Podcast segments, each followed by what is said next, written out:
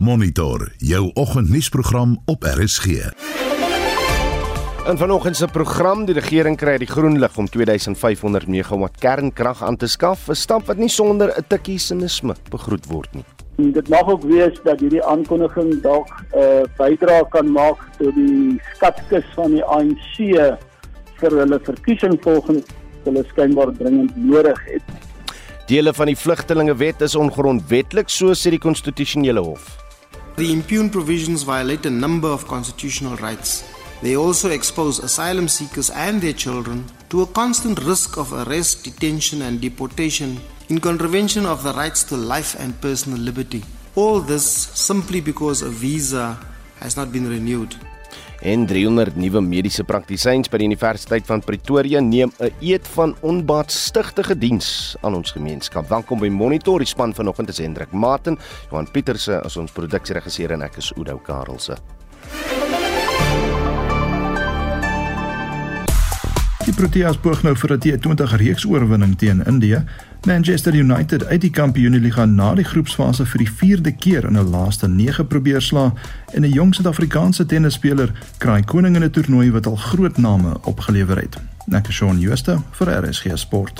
Reg mense, hoe voel jy daaroor om net 4 dae in die week te werk? Nou, proefneming van hierdie 4-dag werksweek in Suid-Afrika van Junie tot November plaasgevind en dit was eintlik 'n groot sukses. Maatskappye wat aan die proefneming deelgeneem het, vertel dat daar minder bedankings was en werknemers gelukkiger voorkom. 'n Direkteur van die diensneming by die firma Cliff Decker Hofmeyer, Rigo Pinaar, sê die uitkoms van die studie was hoofsaaklik positief die werknemer, werkgewer en dan meer in besonder die balans van werker en persoonlike omstandighede, die sogenaamde wellness being, het goeie resultate gewys. En mense sal dit verwag want die die werksomgewing is vol stres vir werknemers en as jy dit in 'n meer fleksie omgewing plaas en jy kan dit verlig kan jy natuurlik 'n gesonder werknemerskoor sê en dit behoort ook tot voordeel van die werkgewer te hê. So dink dis dit is altyd 'n voordeel as mense meer die sogenaamde work-life balance kan hê. So dit was 'n uh, direkteur van 'n diensneming uh, of 'n diensnemingsreg by die firma Cliff Decker Hofmeyer Gopinaar. Van hierdie maatskappye gaan nou die proefloopie voortsit of selfs 'n permanente instelling maak. En uh, wat is nou beter as 'n gelukkige werksmag wat breed glimlag? Maar hoe voel jy daaroor? Kan 'n 4-dag werksweek werk? Dalk het jy self aan so 'n eksperiment deelgeneem en as jy vir jouself werk, hoe beheer jy jou werksweek? Werk jy die gewone 5 dae week of selfs meer? Laat weet. Stuur 'n SMS na 45889. Dit kos jou R1.50 per SMS. Jy kan ook vir ons 'n stemnota stuur op uh, of uh, aan die nommer 0765366961. Die minister van elektrisiteit, Dr. Gosienso Ramagopa, sê die proses van kernkragverkryging sal in die staatskoerant gepubliseer word. Dit kom nadat die nasionale energiereguleerder NERSA die minister toestemming gegee het om voort te gaan met die verkryging van 2500 megawatt kernkrag wat deel sal wees van die land se bykomende opwekkingsvermoë. Winsin Mofokeng het meer besonderhede. Ramogopa sê die aankondiging oor die verkryging van kernkrag is gegrond op die geïntegreerde hulpbronplan. Die plan maak voorsiening dat voorbereidings getref moet word vir 'n kernkragprogram van 2500 megawatt. Dit moes ook gedoen word teen 'n tempo en skaal wat die land kan bekostig. Hierdie program is in 2019 deur die kabinet goedgekeur. Ramokgopa sê die proses is reeds aan die gang. Determination and NERSA's concurrence will be gazetted. So now we're starting the process of gazetting. So we're triggering now as I stand before you essentially a procurement process. So we're going out to ensure that we're able to get uh, that additional 2,500 uh, megawatts of nuclear capacity to ensure that we're able to meet the issues of national security and energy sovereignty. So this is a significant milestone because we know that uh, uh, historically, in the recent past, the process was mired in controversy. Now we are happy that we've been able to iron out the issues related to how the procurement process uh, needs to unfold. We have met the, the regulatory requirements as per NESA's the legal requirement, and also now we have concurrence of NERSA. We are able to proceed. Die Kuiberg kragstasie in Kaapstad is die enigste kernkragstasie in die land wat slegs 5% krag tot die nasionale netwerk bydra. Ramogopa sê kernkrag is die goedkoopste en betroubaarste energiemengsel waarby die land kan baat. Hy sê Eskom het meer as 40 jaar ondervinding om hierdie kragstasie sonder enige voorvalle te bedryf. Tans ondergaan Kuiberg instandhoudingswerk om sy bedryfslisensie en sy lewensduur met nog 20 jaar te verleng. And what we know about nuclear is the cheapest, the safest, and most uh, reliable. And we are going this route. And as uh, NERSA made a determination, is that there's significant amount of uh, technological advancements that have happened in this space. So it is important that we take notice of that and ensure that uh, we are able to benefit from those uh, technological advances. Die departement van minerale hulpbronne en energie sê dit kan tot 12 jaar neem om 'n kernkragsentrale aanlyn te bring. Die departement sê die eerste kernkrageenheid kan tussen 2030 en 2033 gereed wees. In Suid-Afrika was daar sterk teenkanting teen kernkrag met omgewingsgroepe wat veiligheidskwessies en hoë kostes aanvoer. In 2017 het die Russiese kernagentskap Rosatom na vore getree as die voorkeurbeheer om die land se nuwe kernkraggenerasie te bou. Maar die ooreenkoms is deur 'n hofuitdaging gestuit.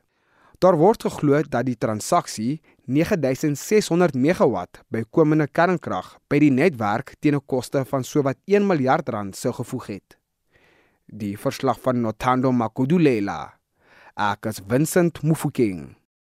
Nou professor Wikus van Niekerk, die dekaan van die fakulteit ingenieurswese aan die Universiteit Stellenbosch sê intussen so 'n projek sal eers oor 'n dekade aanlyn kom.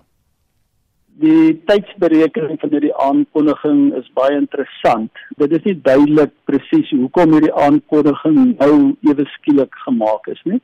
Daar kan 'n paar redes daarvoor wees. Die een rede is dat die sogenaamde geïntegreerde hulpbronplan of soos in Engels sê die IRP gaan Vrydag bekend gestel word vir die volgende 15 na 20 jaar toe. En dit mag wees dat daarin staan dat daar nie kernkrag op ons horison is nie en dit dalk hoekom hulle nou hierdie aankondiging gemaak het. En dit mag ook wees dat hierdie aankondiging dalk 'n uh, bydrae kan maak tot die skatkis van die ANC vir hulle verkiesing volgende hulle skynbaar dringend nodig het. Maar dit is regtig baie 'n aardige tydsberekening. Die ander punt wat ek dink ook belangrik is, is in die vorige hulpbronplan was kernkrag glad nie ingesluit in die tabel van wat moet gebou word nie.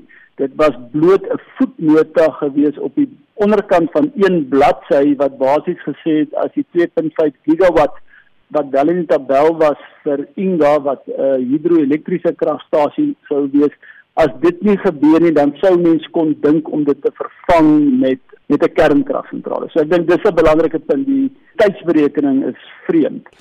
En Willie, wat behels so 'n ingewikkelde proses? Dis net moet ook net mooi kyk na wat aangekondig is. Hierdie is maar net die begin van die proses. So dit is nog 'n baie lang proses wat gevolg moet word voordat ehm um, die regering dan of op tender sal uitgaan en daarna een of ander kontrak in plek sal stel om dit te bou. En weet as ons gelukkig is, dan gaan hierdie 2.5 gigawatt se kernkragsentrale as hy ooit gebou word op die vroegste oor 10 jaar aanlyn kom. Met ander woorde dit beteken dat vir nou vir beurtkrag en die probleme wat ons nou het, is dit 'n absolute nul op 'n kontrak. Dit gaan geen verskil maak aan die huidige tekort aan elektrisiteitsvoorsiening wat ons in die land het nie. En wat sal die kostes wees vir so 'n kernkragsentrale? Die minister het skynbaar in die aankondiging gesê dat kernkrag kos tipies 60 sent per kilowattuur. Nou dit is natuurlik bloot onwaar. Dit is daar geen manier dat 'n nuwe kernkragsentrale wat in Suid-Afrika gebou gaan word van 7.5 gigawatt eers naby daai bedrag gaan kom nie. Dit gaan 10 teen 1 op die beste 3 maal daai bedrag hê, met ander woorde R1.80 of meer die minister en die wel beide ministers, die minister van elektrisiteit en die minister van minerale hulpbronne en energie nou baie daarvan om die huidige koste van Kuiberg te gebruik as dit is wat kernkrag kos. Maar Kuiberg se kapitaalkoste is natuurlik is al lank al goed gemaak deur die regering met ander dis nie ingesluit nie en dis die duurste komponent van 'n kernkragsentrale. Maar nou die 60 sent is dalk vir vir Kuiberg maar vir 'n nuwe kernkragsentrale oor 10 jaar kyk ons na R1.80 plus. So ek dink daar's 'n klomp daar's 'n klomp vrae rondom hierdie aankondiging wat mense sou kom vra. En kyk prof, ons het dan ook 'n miljard dollar van die Wêreldbank ontvang as 'n lening en verskeie ander instansies ook, juis om ons kragprobleme op te los. Waar sal daardie geld dan bestee word? So die geld wat ons by die Wêreldbank en by ander instansies gaan leen, gaan primêr aangewend word om die huidige kragnetwerk, die drade uit te brei sodat ons meer hernubare energie in die dele waar daar baie son en wind is wat tipies in die Noord-Kaap en die Oos-Kaap is kan ehm um, kry en dit kan versprei na die areas waar die grootste las is wat natuurlik hoofsaaklik in Gauteng is. Met ander dit is om ons netwerk uit te brei. Dit is nie eers om nuwe kragstasies te bou nie, dit is net om ons netwerk sterk genoeg te maak sodat ons meer wind en sonplase aanlyn te kan kry. En hoekom dit belangrik is is dat omdat ons so diep in die moeilikheid is, is die enigste min, die enigste kragopwekking wat ons binne 5 jaar of ten minste kom ons sê voor die 10 jaar in Suid-Afrika aanlyn gaan kry, gaan windplase, sonplase en gaskragstasies wees en daarvoor het ons 'n sterker netwerk nodig want die huidige netwerk in daai areas waar die son en die windkragstasies tans gebou word is redelik klein of dun as mens dit so kan sê want dit daar's min krag gebruik in die verlede daar en daarom moet kragstelsels opgegradeer word. Maar selfs so netwerk uitbreiding is nie iets wat oornag gebeur nie. Dis 'n baie moeilike proses. Daar moet reg van weg gekry word. Baie keer is boere moeilik daaroor en sê nie oor my plaas nie. So selfs die uitbreiding op die netwerk is iets wat ons kyk na die wat eers oor 5 jaar op die vroegste aanlyn gaan kom. En dit was professor Wikus van die Kerk, die dekaan van die fakulteit ingenieurswese aan die Universiteit Stellenbosch en hy het daar met ons Vincent Mofokeng gepraat. Die mynmaatskappy Gold One sê tig stappe sal teen werkers ingestel word wat hulle aan wangedrag skuldig gemaak het. Sowat 400 mynwerkers van Gold One se Modder Oosmyn wat 4 dae lank ondergronds was, het maandag na die oppervlak begin terugkeer. Die sitstaking of gijselaarsdrama was die gevolg van 'n geskil tussen die vakbonde AMKU en Noem. Daar is gerugte dat sommige werkers in mekaar gesak het weens 'n gebrek aan water en voedsel. Vir meer oor die gebeure praat ons nou met Goldwan se woordvoerder Ziad Hassan. Ziad, good morning. Hi, good morning. Let's just begin with a summary of the condition of those who have returned to the surface and whether the drama, the underground drama, is now well and truly over. Uh, so, so the drama, as you as, as, you referred to it, is is in that sense over. Um, in that all employees who were underground um, from last week Thursday have returned to surface. Um, sadly, I think for for those um, underground, and particularly those who uh, who suffered assaults um, and and other and other forms of violence underground, I don't think the ordeal will be over for them um, for time to come. Um, we've had a total of 36 of those employees um, who've received medical attention. Um, 70, uh, 12 of those, sorry, um, who've, who've, been hospitalized, um, and five who remain in hospital. Um, their, their injuries range from fractures, lacerations, bruising, head blows, eye injuries, and and reports of, of fairly horrific conditions underground. Um, so we think several of those will, will require uh, trauma counseling going forward. Uh, but in the sense of, of the, the, the situation being over, mm. um, that's correct. Um, and and we, we now need to deal with the fallout from that. Uh, in dealing with the fallout, uh, the, the police obviously are investigating, but what are the processes that you will begin now as the mine? Yeah, so correct. We, we have referred a matter to the police um, for um, charges of kidnapping and assault um, with intent to do grievous bodily harm. Um, from a company perspective, we've we we we in the process of doing uh, our own internal investigation.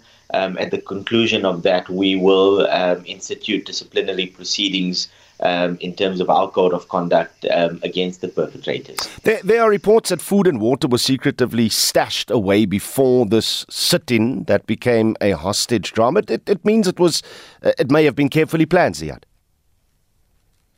Uh, we, we, we think that that is likely, um, particularly since um, uh, a similar sit-in or hostage situation unfolded um, a few months ago. Um, it's it's very likely that um, they will have been better prepared this time around.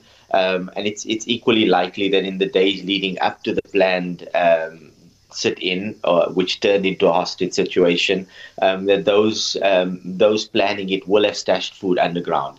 Uh, but we we do we, we we do understand that as at day day two or day three, even that food had run out, and mm. um, and that those those underground were were all extremely hungry. So in October, the incident that, that happened before this, 70 workers were retrenched. In your investigations as a company, what did you find that necessitated those retrenchments? And how much responsibility in that incident did the union AMCU have? Uh, so AMCU's position um, right from the outset has been to distance themselves from both the first as well as the second incident. So, if you recall correctly, at the first incident, uh, the issue at stake was um, the organizational rights dispute that employees um, wanted uh, AMCU to mm. be hmm. recognized as a union mine. Um, that was the crux of of um, of that situation. Um, the reason behind the current situation was uh, protesting against the dismissals of those 73 employees mm. who were involved. Which and, and uh, apologies for this, which is why I'm going back to what, as a company, your findings were that necessitated those 70 retrenchments, and where AMCU yes, stands in relation to those retrenchments. So, so, so those retrench, well, not retrenchments, they were dismissals. Yes. Um, so they were they, they were dismissals for misconduct, um, and and those employees were all found in some way or another to have contravened the company's code of conduct. Again, AMCU's position has been to distance themselves. Um, they they maintain that um, they are not officially recognized um, as a union at the mine um, up until the 14th of December, which is which is tomorrow, um, when the close shop agreement with the NUM terminates. Um, AMCU um, has not had formal recognition at the mine, um, and so they've they've maintained that as an official position. Now we do know that um, several of the employees, hundreds of the employees underground, were do were stay were, were underground, presumably in the name of AMCU, um, chanting AMCU songs, um, making demands on behalf of, of, of AMCU. So um, there's an official position, but there's also, um, you know, understanding the situation on the ground. Okay, we shall leave it there. Thank you very much for your time. Uh, dit was die woordvoerder vir um uh, Gold One se so, woordvoerder Ziad Hassan. Ons skuif dan aan in uh, die regering sê se vinnige deurvoer van nuwe wetgewing en wysigings lyk soos 'n poging om stemme vir volgende jaar se verkiesing te werf. Dit is die mening van Martin Versveld, 'n vernoot by die regsfirma Weber Wenzel. Dit sluit in aftreehervorming, die tweepotstelsel waaroor ons baie hier in monitor gepraat het, die wysigingswetsontwerp op uh, die pad ongelukke fonds en die onteieningswetsontwerp. Dan is daar ook die nasionale gesondheidsversekeringswetsontwerp wat op 6 Desember deur die nasionale raad van provinsies goedgekeur gepubliseer is en uh, deur president uh, Ramaphosa onderteken moet word. Ons praat nou met Martin Versveld van Webber Wensel hier oor. Martin, goeiemôre. Goeiemôre. Uh interessant dat jy dit electioneering of of of stemwerwery noem. Die die feit dat die regering nou heelwat wetgewing wil deurvoer. Hoekom sê jy so? Ja, maar ek gaan in Engels oorsluit as jy as glad, glad nie 'n probleem nie. Gaan gaan voort. Ja, dankie. Um, the reason uh, that I'm raising it is that this is probably one of the most significant pieces of legislation ever introduced in the history of South Africa. And in those circumstances, and in circumstances where there's so many questions that have been unanswered, not the least of which how, in fact, uh, national health insurance is going to be funded, hmm. uh, it is extraordinary that the that they've rushed uh, this legislation through the various stages um, of the approval process at Parliament, uh, particularly when stakeholders, including the Department of Health, have made significant comments, and those comments have not been taken into account. Die die nasionale gesondheidsversekering spesifiek uh, gister se nerse besluit oor kernkragverkryging. Uh, dis inten uh, die, die, die, met hierdie een moet intensies nog in die staatskoerant gepubliseer word. Uh, hulle is maat en voorbeelde van wetgewing wat wet kan word, maar die regering sal eers 'n vinger kan lig as hulle geld daarvoor het, soos hy self uitgewys het. Is amper asof die ANC se party handves deur uh, middel van wetgewing uitgevoer word hier uh, voor die verkiesing. Absolutely. I, I think uh, what, what the ANC is doing here, it, it, realizes that it's in a weak position. It's having to adopt a populist position, which is most unfortunate. And it's having to try and say to its electorate, we're here, we're doing things of significance to this country, we're seeking to address your health issues, we're seeking to address the, the power issues uh, that we're all facing. We're here for you, we're here to support you, vote for us. Uh, which uh, I understand uh, as politicians what the strategy is. But as South Africans, it's difficult to comprehend um, why they're doing this because the reality is that, um, as you say, it, it's, it's, it's being rushed. We're not ready for it. There's no, there's no um, mechanisms in place to fund it. And, and the biggest challenge that I think the listeners should appreciate is that uh, through this process, uncertainty is created. Uncertainty is very difficult for anyone. Business can deal with uh, bad news, it can deal with good news. What business and South Africans can't deal with is uncertainty. Hmm. And uncertainty leads to uh, decision making um, which can have long term consequences. And what I refer to there is a decision as to whether to stay in South Africa or not, particularly as a healthcare provider. Uh, you know, when I started at Weber Wensel some 27 years ago, the average age of a healthcare specialist about 51. The average uh, age of a healthcare specialist now is about 61, mm. 62. What that tells you is that those who decided to stay have stayed, and many of those who should have stayed have left. And we're in a bubble right now. We have the benefit of uh, fantastic healthcare specialists, but uh, they're aging, and we don't have people to follow them. And where I think the government is missing a trick, and you have noticed this when uh, Discovery Health and others have commented, is that what they should really be looking to is a partnership, a partnership between the private healthcare and, and, and the public healthcare space. What do I mean by that? Well, if the public hospitals were to be approached and asked if they could um, manage X number of beds for the benefit of mm. public healthcare, for, for, for the benefit of private healthcare at their cost, they would agree to it. If doctors said you need to treat X percent of patients for the benefit of public healthcare at no charge, I suspect doctors and specialists to a person would be prepared to do that. Um, again, if, if there was more flexibility around medical schemes and, and, and the level of, of cover they can offer, you could probably find that they could offer other forms of effectively gap cover, uh, which mm. um, ensure that the majority of South Africans have the benefit of cover. Not all, but the majority. In that way, the funding gap is managed. And when you talk about the, the state and what it still has to provide by way of healthcare cover, you get to a place where uh, the number of South Africans are having to assist uh, become significantly reduced. Goed, Martin Versveld, dankie vir tyd op monitor. Hy is vernoot by Weber Wensel.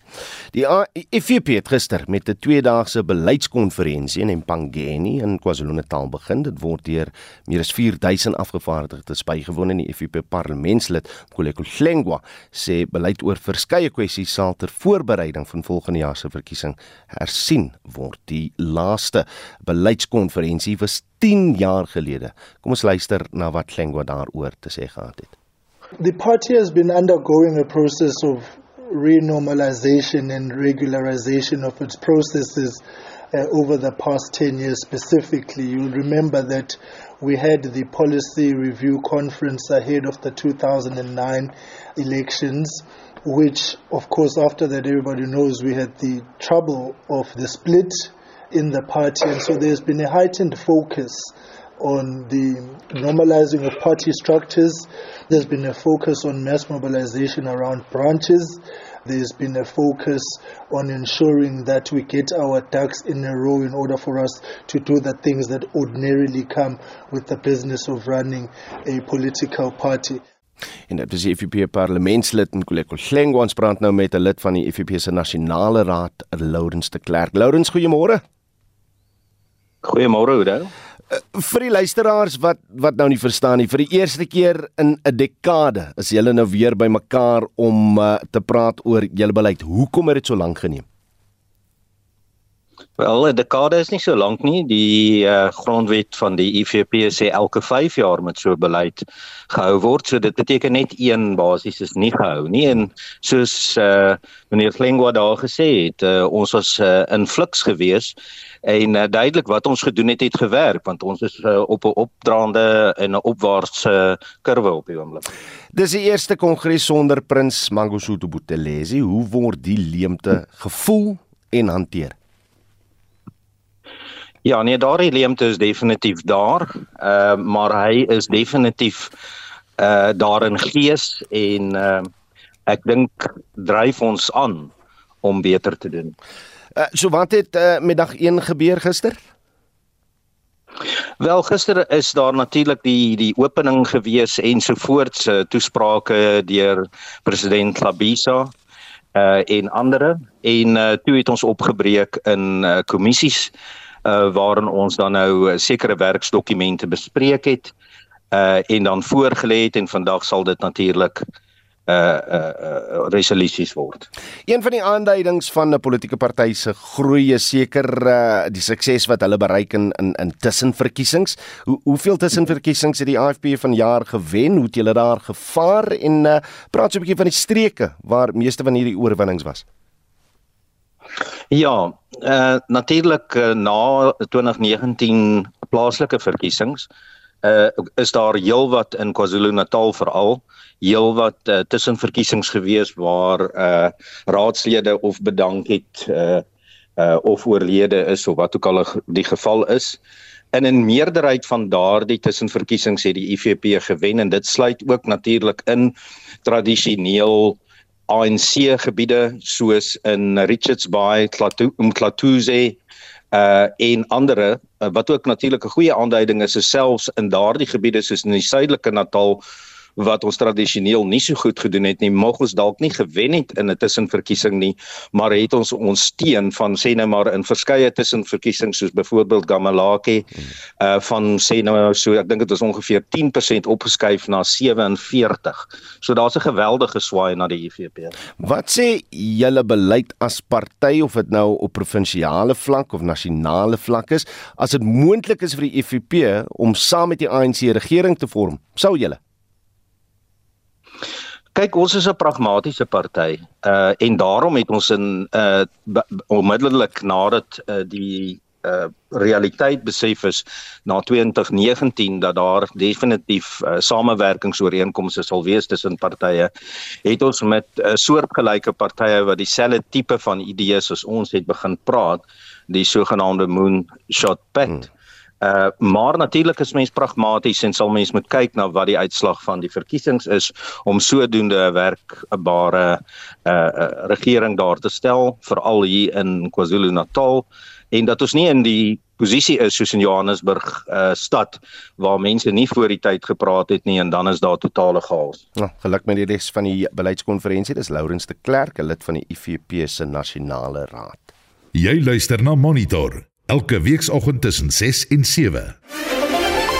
636 en hier is wat voor lê in die res van die program. Uitpassering begin vir 10000 polisie rekrute en 300 nuwe mediese praktisyns by die Universiteit van Pretoria neem 'n eed van onbaatstigtige diens aan die gemeenskap. Bly ingeskakel.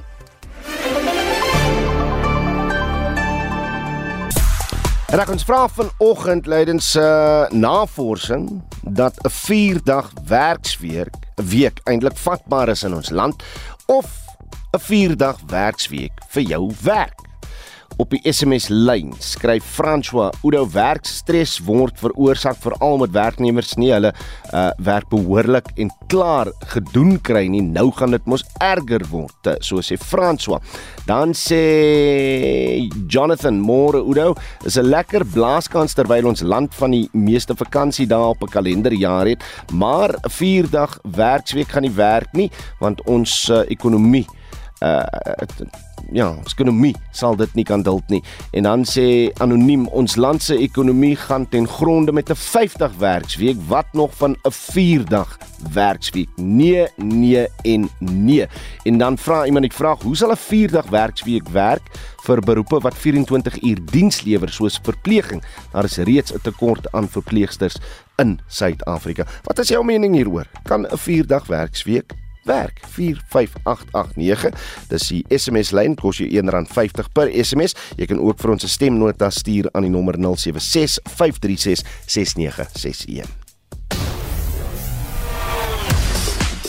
Shaun Jooste staan slaggereed met die jongste sportnuus. Môre Shaun.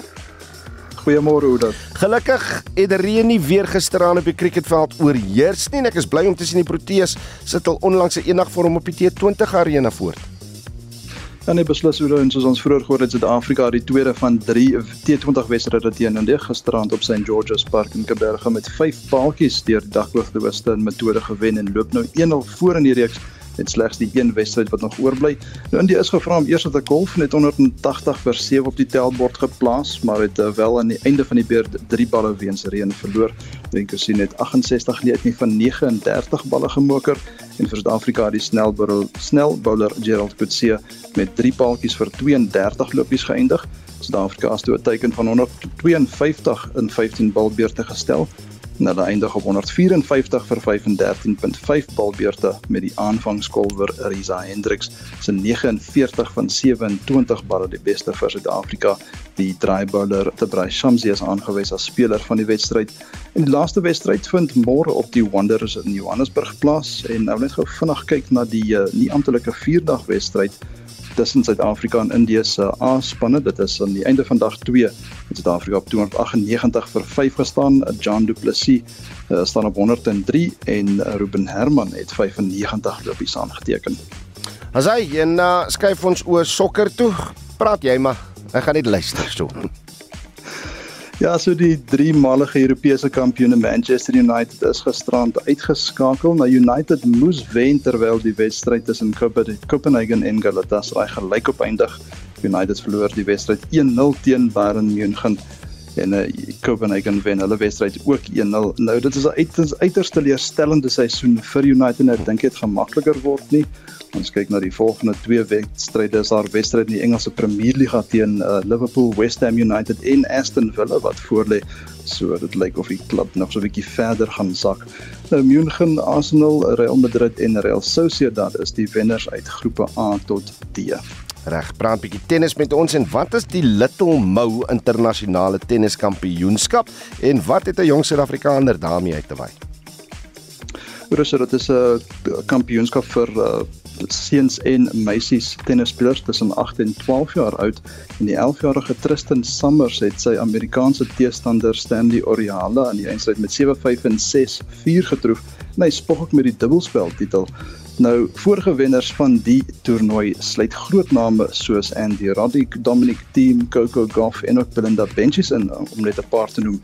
Ons weet hulle het al groot dinge op die ATP toer en WTA toer natuurlik bereik. So ek hoop regtig ons kan die naam iewers in die toekoms vir Suid-Afrika op die ATP toer sien. Lieflik, onthou die naam Tristan Summers. Jy het hom eers by Shaun Jooste van RSG Sport gehoor. Die konstitusionele hof het bevestig dat dele van die vlugtelingewet ongrondwettig is. Die betrokke artikels het te doen met as asielsoekers wat versuim het om hulle visums te hernie. Die aansoek aan die hof om die betrokke artikels ongrondwettig te verklaar is deur die Scalabrini sentrum in Kaapstad gebring. En ons praat met die hoof van voorspraak by die sentrum James Chapman. James, good morning. Good morning to you and good morning to your listeners. The relevant sections of the legislation states that if an asylum seeker does not renew their visas within a month of expiry, then they are deemed illegal foreigners by this country who have abandoned their asylum application. Uh, for the listeners to understand, what is wrong with that? Why is that unconstitutional? What's wrong with it is that it puts at risk uh, people applying for asylum who could be arrested, detained, and deported to the environment from which they fled, uh, fleeing persecution, war, torture, cruel and inhumane and degrading treatment.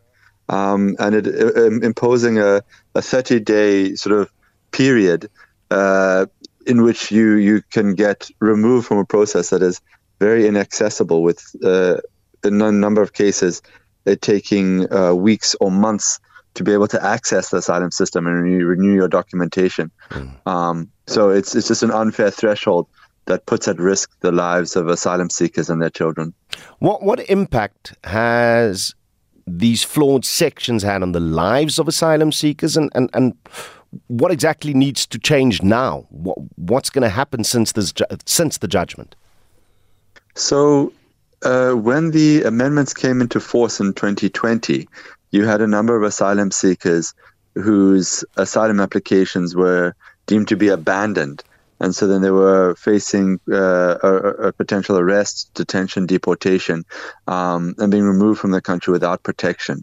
Um, the interim order, the High Court order, and now the confirmation from the Constitutional Court has has made it such that there is now clarity and protection uh, and realization of the dignity of asylum seekers, allowing them to continue in the asylum process um, extend their documents, and uh, ultimately uh, apply for and obtain refugee status and protection from the government where their governments failed to do so.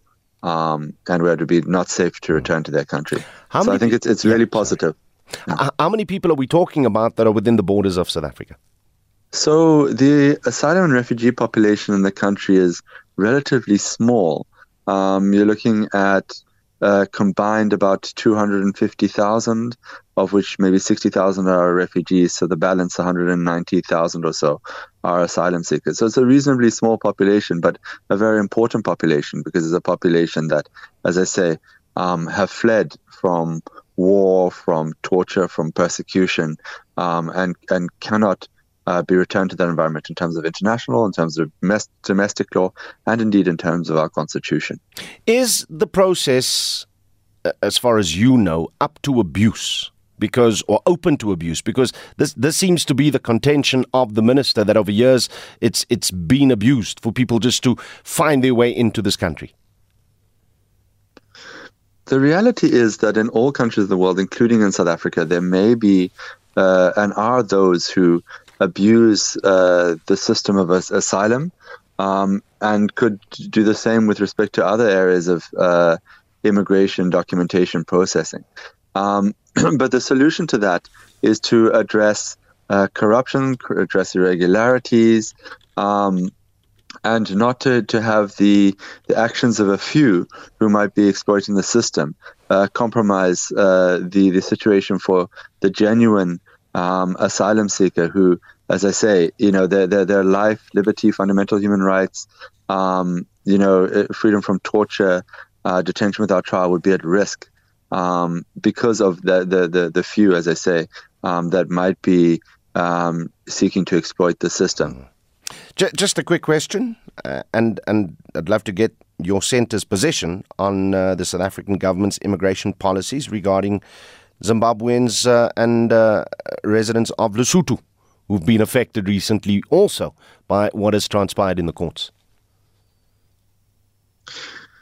Right. So, I mean, this the Scalabrini Center is not party to the the uh, uh, Zimbabwean exemption uh, permit uh, proceedings, but I think that it's really important to note that um, with with migration, whether it's forced migration through the refugee system or uh, other other forms of migration, that's it's part of a natural human experience, um, and avenues to to documentation pathways and regularization is really crucial and important.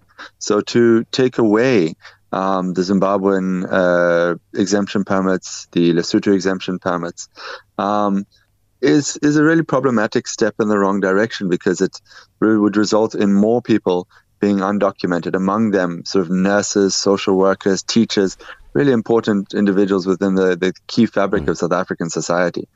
Um, and so I, I, I, think that the, the, the, the, actions of the court to extend and call for a, a due process um, and, and, and uh, proper uh, comments in relation to the decision to discontinue these dispensations, these exemption uh, processes is, is fair and appropriate. Um, and that uh, there should be documentation pathways, um, including those outside of the asylum system, um, which would also reduce um, what, what, as I said, the minister said, those who do or may seek to exploit the asylum system. En dit was die hoof van voorspraak by die Scalabrini Sentrum in Kaapstad James Chapman. Daar het vanjaar 300 mediese praktisyns wat dokters insluit aan die fakulteit van gesondheidswetenskap by die Universiteit van Pretoria gekwalifiseer. Die dekaan van die fakulteit, professor Tiaan de Jager, sê die studente word in 'n uitdagende werksomgewing ontplooi. Ons praat nou met hom. Tiaan, goeiemôre. Goeiemôre Oudo. Lekker om jou saam met ons te hê. Kom ons praat net eers oor hierdie verklaring wat afgelees deur die studente waarin hulle alself tot onbaatstigtige diens verbind. Verduidelik net vir ons wat is hierdie verklaring? Weet jy, dit is deel van die eed wat mediese studente en ander ehm um, ehm um, mediese sorg eh uh, dissiplines aflê om homself bereidbaar te stel uh tot die gemeenskap en tot hul werk. Uh, hulle is klaar gestudeer na baie jare van harde werk en ons is baie opgewonde saam met hulle dat hulle gaan om die land en die pasiënte te dien. Hmm. En uh, dit is basies hulle eet wat hulle aflê dat hulle daartoe sal hou en natuurlik binne die mediese dissipline en wat daar van hulle verwag word. En nou word hulle in die geneeskundige omgewing losgelaat. Uh, en en ons weet hy hy bied talle uitdagings aan. Hoe voel hul professor oor die uitdagings wat daar in die veld lê vir hulle? Ja, weet jy, hierdie jong dokters word nou geplaas 2 jaar internskap baie in vreemde omgewings, weg van die familie en geliefdes, waar sekuriteit en veiligheid miskien 'n rol speel. Maar ek dink wat die grootste impak op hulle het is dat hierdie jong dokters word dikwels aan baie lang ure van moeilike werksomstandighede blootgestel. En soms in gesondheidsorgeenhede en hospitale, jy weet waar die geriewe en die voorraad nie noodwendig daar is wat hulle benodig nie. Maar nou moet ek vir jou sê hulle is briljante jong mense en hulle is innoverend en hardwerkend en gedetermineerd en ek glo dat dit 'n uiteindelike positiewe impak op die gemeenskap is, sal hê. Is hulle toegerus om om al hierdie uitdagings te hanteer? Weet jy, dis moeilik om te sê. Ehm um, hulle gaan deur moeilike opleiding. So ek glo deur die jare van studie en dit waaraan hulle blootgestel word, dit wat ons in die kurrikulum vir hulle bied, ehm um, glo ek dat dit hulle tot 'n groot mate voorberei. Maar ons moet nie die impak van geestesgesondheid en veral deesdae 'n uh, finansiële druk onderskat nie. Ehm um, hierdie is alles bydraende faktor tot werksomstandighede. Sê my hoe groot is die vraag vir vir hierdie gekwalifiseerde studente in in in in ons gemeenskappe en en eh, die 300 hoe gaan dit die vraag ja. aanvul Weet jy, daar's altyd 'n groot behoefte. Ehm um, ons beoog om ons innames te verhoog met die tyd tot 400 studente per jaar vir medies spesifiek. Nou ek moet vir jou sê ons het uh, natuurlik tandheelkunde en gesondheidsorgwetenskappe. So dit is 'n spektrum van gesondheidsorg personeel wat in die werk ingaan. Maar ehm um, Ja, ehm um, daar's altyd 'n groot behoefte en veral in jou meer plattelandse gebiede, ehm um, sal daar altyd 'n groot behoefte wees wat daar hoë kliniese druk is, maar ook in ons hospitale. Hmm. Ehm um, jy weet ons sien dat ons personeel sukkel om voort te bly met die hoë druk op hulle. En ja, dan verwag ons hulle nog om navorsing te doen en goeie opleiding. Ja, so ek dink die stelsel in geheel is onder groot druk. Hierdie hierdie studente het nou gekwalifiseer op 'n tydstip waar ons regering kyk na 'n nasionale gesondheidsversekering. Ek is seker daar moes in klasse gesprekke gewees het oor hierdie stelsel. Uh, hierdie 300 studente, wat sê hulle? Wat sê hierdie jong span van hulle gevoelens oor dit wat kom hier in Suid-Afrika? Weet jy, ek dink dit is gemengde gevoelens. Ehm um, ek dink die grootste kommer is oor die finansiële aspekte om die universele gesondheidsorg daar te stel. Ehm um, maar die studente moet ek vir jou sê, ons verwys na hulle as #lifechangers want hulle maak regtig 'n verskil in die gemeenskappe en hulle is gemotiveerd om dit te doen. Ehm um, finansiële druk ehm um, en die beskikbaarheid van fondse gaan natuurlik van die implementering van hierdie gesondheidsorg uh, of NHI wat ons na verwys 'n groot impak hê en ons verwag dit veral in areas wat nie noodwendig ehm um, jy weet die nodige ehm um, aan die nodige standaarde voldoen nie. Dit gaan 'n groter impak hê glo ons op vrouens en kinders.